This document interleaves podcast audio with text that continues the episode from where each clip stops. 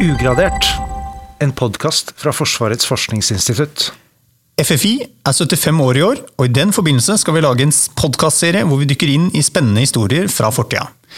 Og i dag skal vi langt tilbake, til før FFI ble starta opp. Vi skal snakke om det som ble frø til FFI.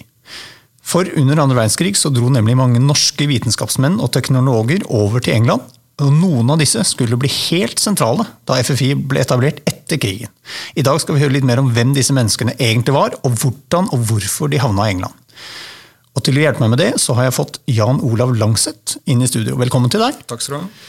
Du er jo opprinnelig matematiker og forsker, og akkurat nå så jobber du med HR og rekruttering på FFI, men du er også veldig opptatt av historie. Eh, historien til FFI. Altså, hvordan oppsto den, eh, den, interessen? Ja, jeg tror uh, det har nok mye med at jeg har jobbet her i ganske mange år. Jeg har jo bikket 30 år her. Ja. Og da skal det jo noe til å ikke ha fått med seg en del av det som foregår og har foregått her. Eh, og jeg har jo noen år eh, reist rundt på norske læresteder, altså universiteter og høyskoler, og fortalt om FFI. Og da er det jo naturlig å begynne å starte eh, eller å, å, fortelle noe om tilblivelsen til FFI. da, Hvordan ja. FFI ble etablert. Du, jeg tipper at du har rota i mye arkiver og leita fram mye bra ting eh, som du kan fortelle studenter? Eh, ja, og, ja, det har jeg gjort. Og jeg har jo snakka med ansatte eh, som kjenner deler av FFIs historie betydelig mer og bedre enn meg. Og jeg har snakket med tidligere ansatte eh, som kan fortelle ganske friske og interessante historier. Og helt ærlig, eh, jeg syns at eh, FFIs historie, og ikke minst tilblivelsen til eh, hvordan FFI ble etablert, er spennende og, og egentlig ganske unik. Nemlig, Vi skal jo lage en hel serie vi med masse gode historier som har skjedd opp gjennom eh, tiårene eh, i forbindelse med 75-årsjubileet vårt. Men, men, la oss starte med disse første menneskene som, som reiste over. Eh, vi befinner oss eh, Vi har bestemt oss for å snakke om tre av dem. Eh, og, og, den aller første, Helmer Dahl. Eh, han hadde kanskje den mest dramatiske overfarten. Men, men hvem var Helmer Dahl da krigen brøt ut? Helmer Dahl han eh, var uh, ingeniør. Mm. Utdanna ved NTH, som veldig mange ingeniører uh, var uh, på den tiden. Hans spesialitet var radioteknikk, radiobølger. Kommunikasjon ved hjelp av radio. Ok, Han, han forsket på det? Han forsket på det. Og han var tydeligvis svært dyktig og han ble anbefalt å dra til, til Tyskland på 30-tallet for uh, å ta deler av utdanningen sin der. Og dette var jo selvsagt en, en kall det mildt sagt, en interessant periode i, i tysk historie og i førkrigstiden. Og han uh, fortalte jo selv at han sto kun 100 meter uh, ifra en talende Adolf Hitler. Men han var ikke imponert, og han likte ikke de strømningene som han oppfattet at det var i Tyskland, så han reiste hjem. Akkurat. Og, og reiste hjem til Hva gjorde han da? Det han uh, gjorde da, det var jo at han eh, dro eh, til England. Til Cambridge. Og der møtte han en svært så kjent fysiker, Edward Appleton. Du, du, må fortelle litt hvem det var. Appleton han var en, en velkjent Eh, fysiker på den tiden. Han fikk faktisk nobelprisen for ionosfærefysikk i 1947. Han var, han, han var altså allerede en, et stort navn. Og, og, um, på den tiden så jobbet han også mye med eh, eh, radarutvikling. Og, og, det fanget jo også da Helmer Dahls interesse. Men han eh, reiste tilbake igjen eh, til Norge og så kom krigen. Ja. Og med den kunnskapen han hadde om eh, radioutvikling, og det å, å lage sendere og mottakere, så ble han jo kontaktet av eh, folk i motstandsbevegelsen. Og han begynte å gi dem deler til å bygge ting selv. Så Sånn sett så ble han på en måte viklet litt inn i, i motstandsarbeidet. Ja, det, det, var vel ikke helt risikofritt, tenker jeg? Det sånn. var ikke risikofritt. Og han, han fortalte jo til, eh, til disse at dette ligger lavt. Eh, dette er farlig. Eh, og han lagde faktisk en manual om hvordan man skal forholde seg når man blir avhørt av tyskerne. Mm. Han, han, hadde også satt seg litt inn i hvordan tyskerne Hvilke torturmetoder de brukte. Og dette fikk han jo seinere si, behov for selv. For han ble arrestert av Gestapo og satt uh, fengslet noen måneder. Og grunnen til at han ble fengslet, det var rett og slett at han hadde tatt en telefon til en annen ingeniør som jobbet for han, som het uh, Willy Simonsen, som kom til å ha betydning for FFI senere, uh, og advarte han om at nå skjer det ting. Så ble han selv fengslet. Mm. Og det var nok, ja, ikke sant. Men hvordan var det, eh, hvordan havnet han eh, altså Da begynte det å brenne litt rundt han. Eh, var det det som gjorde at han dro over til England? Ja, det, det, var, jo, det var, jo, det Og han fikk via en norsk motstandsmann som kom fra England, nærmest en beskjed, en lapp der det sto ifra Appleton, den kjente fysikeren, kom til England, vi trenger deg. Og han dro med og, og, da. Ja, da har du funnet en, eh, en, artikkel fra Var det Bergens Tidende? Du, Det stemmer. Det er en fantastisk interessant eh, artikkel fra 2015. Helt ærlig, jeg kjente ikke mye til Helmer Dahl selv. Men eh, jeg kom over den artikkelen, og den forteller jo så mye om en av disse karakterene som var så viktig i etableringen av FFI. Så saken var han dro med sin kone og med, sitt, med sin nyfødte datter til England. Og det er klart, Dette var jo dramatisk. Det ville jo vekke oppmerksomhet om han dro med kone og barn. Så han måtte lage flere dekkhistorier overfor nære og fjerne som fortalte hvorfor han måtte dra. Og han eh, dro altså med, eh, slik det står eh, i denne artikkelen, til England via Shetland i en av disse skøytene som vi vet jo ble brukt. Eh, med sin datter da, i en ombygd koffert. Mm -hmm. Fordi at det skulle ikke påkalle oppmerksomhet. Og det er klart, et lite spedbarn Hun var jo bare noen få uker gammel. Kan jo gi lyd. Så det har jo blitt fortalt at eh, i den puten som hun lå på, så var det dynket opium. Mm. For at hun skulle sove og være rolig. Men de kom seg trygt over. Og Helmer Dahl møtte Appleton og Helmer Dahl begynte da å jobbe på en av laboratoriene i England som eh, jobbet med radar. Og det, det var et laboratorium som var tilknyttet det engelske forsvaret? Det var det. Det var en av mange store forskningsinstitutt. Og, og, det var jo nettopp slik. Hvorfor sa, hvorfor kom denne beskjeden fra Appleton? Mm. Jo, den kom jo fordi at det var et kolossalt trykk på militærteknologisk utvikling under krigen. Og selv om flere tusen jobbet i laboratoriene, så var det allikevel ikke nok. Så hvordan skulle de skaffe flere? Jo, det var jo å gå til allierte. Og gå til eh, folk eh, britiske vitenskapsmenn kjente. Kom til oss. Og eh, Helmer Dahl han kom til England da i mars 1942. Mm -hmm.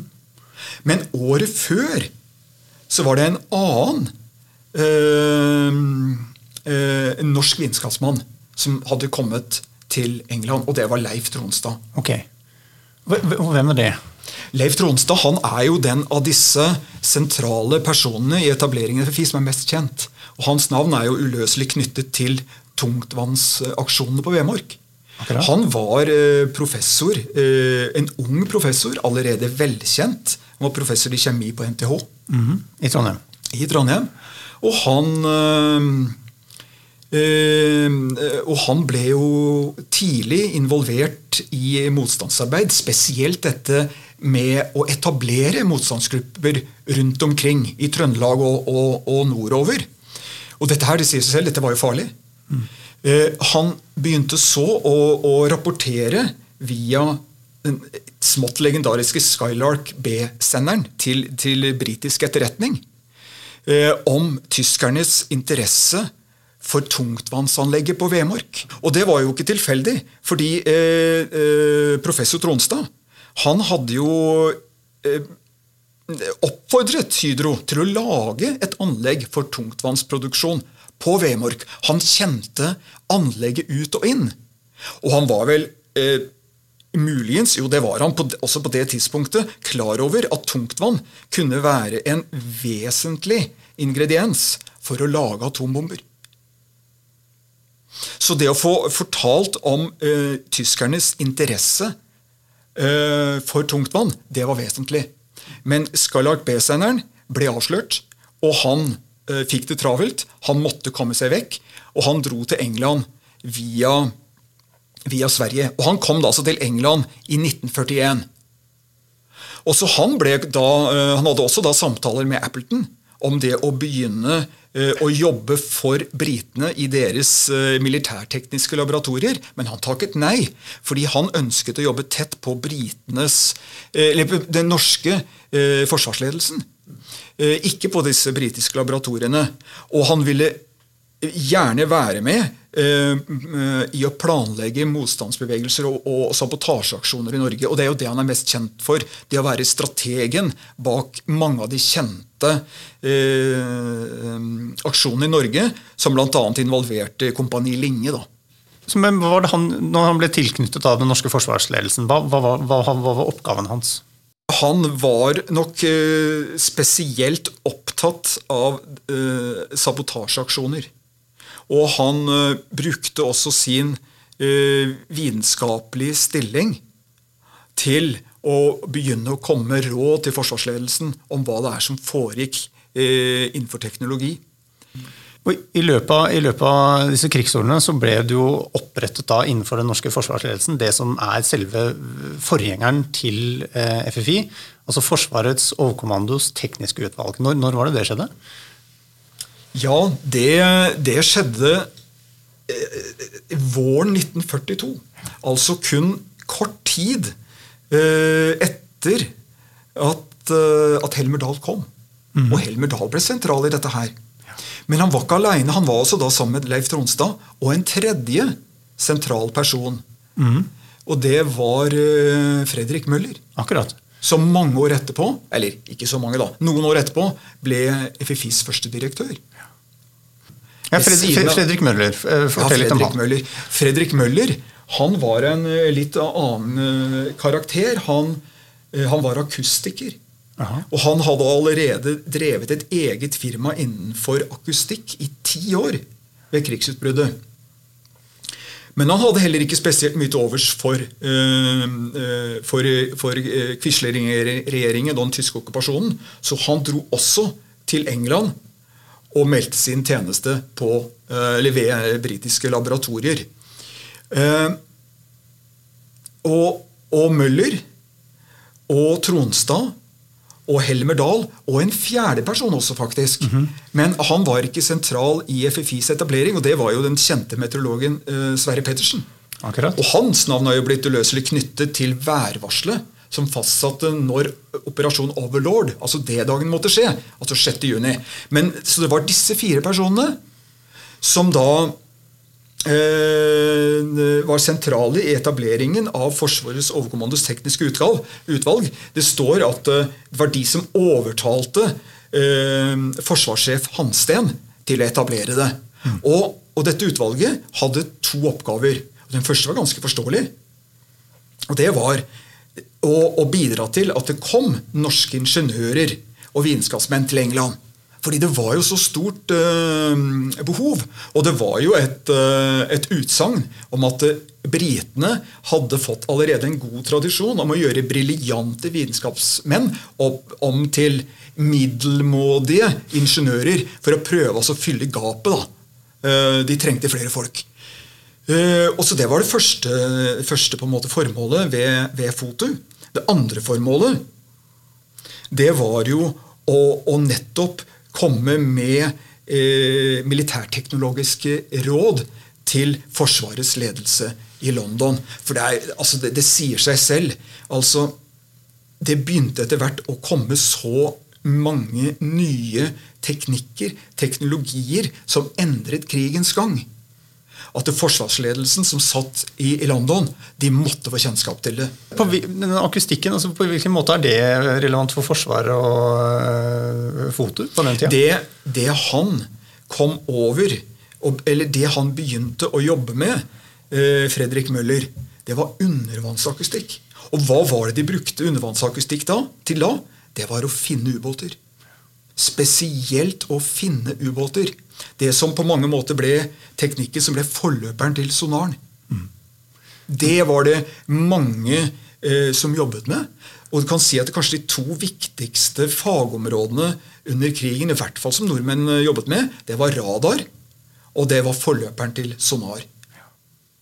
Yes. Av disse nøkkelpersonene så var det jo ikke mm, Det var dessverre ikke alle som fikk eh, komme tilbake til Norge eller oppleve krigens slutt. Eh, Leif Tronstad hadde en litt spesiell historie der.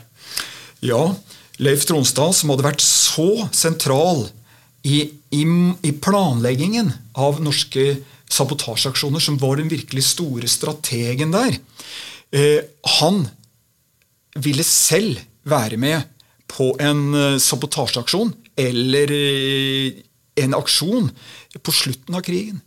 Sammen med Kompani Linge. Og han overtalte da både britiske og, og, og norske ledere om at eh, dette skulle gjennomføres.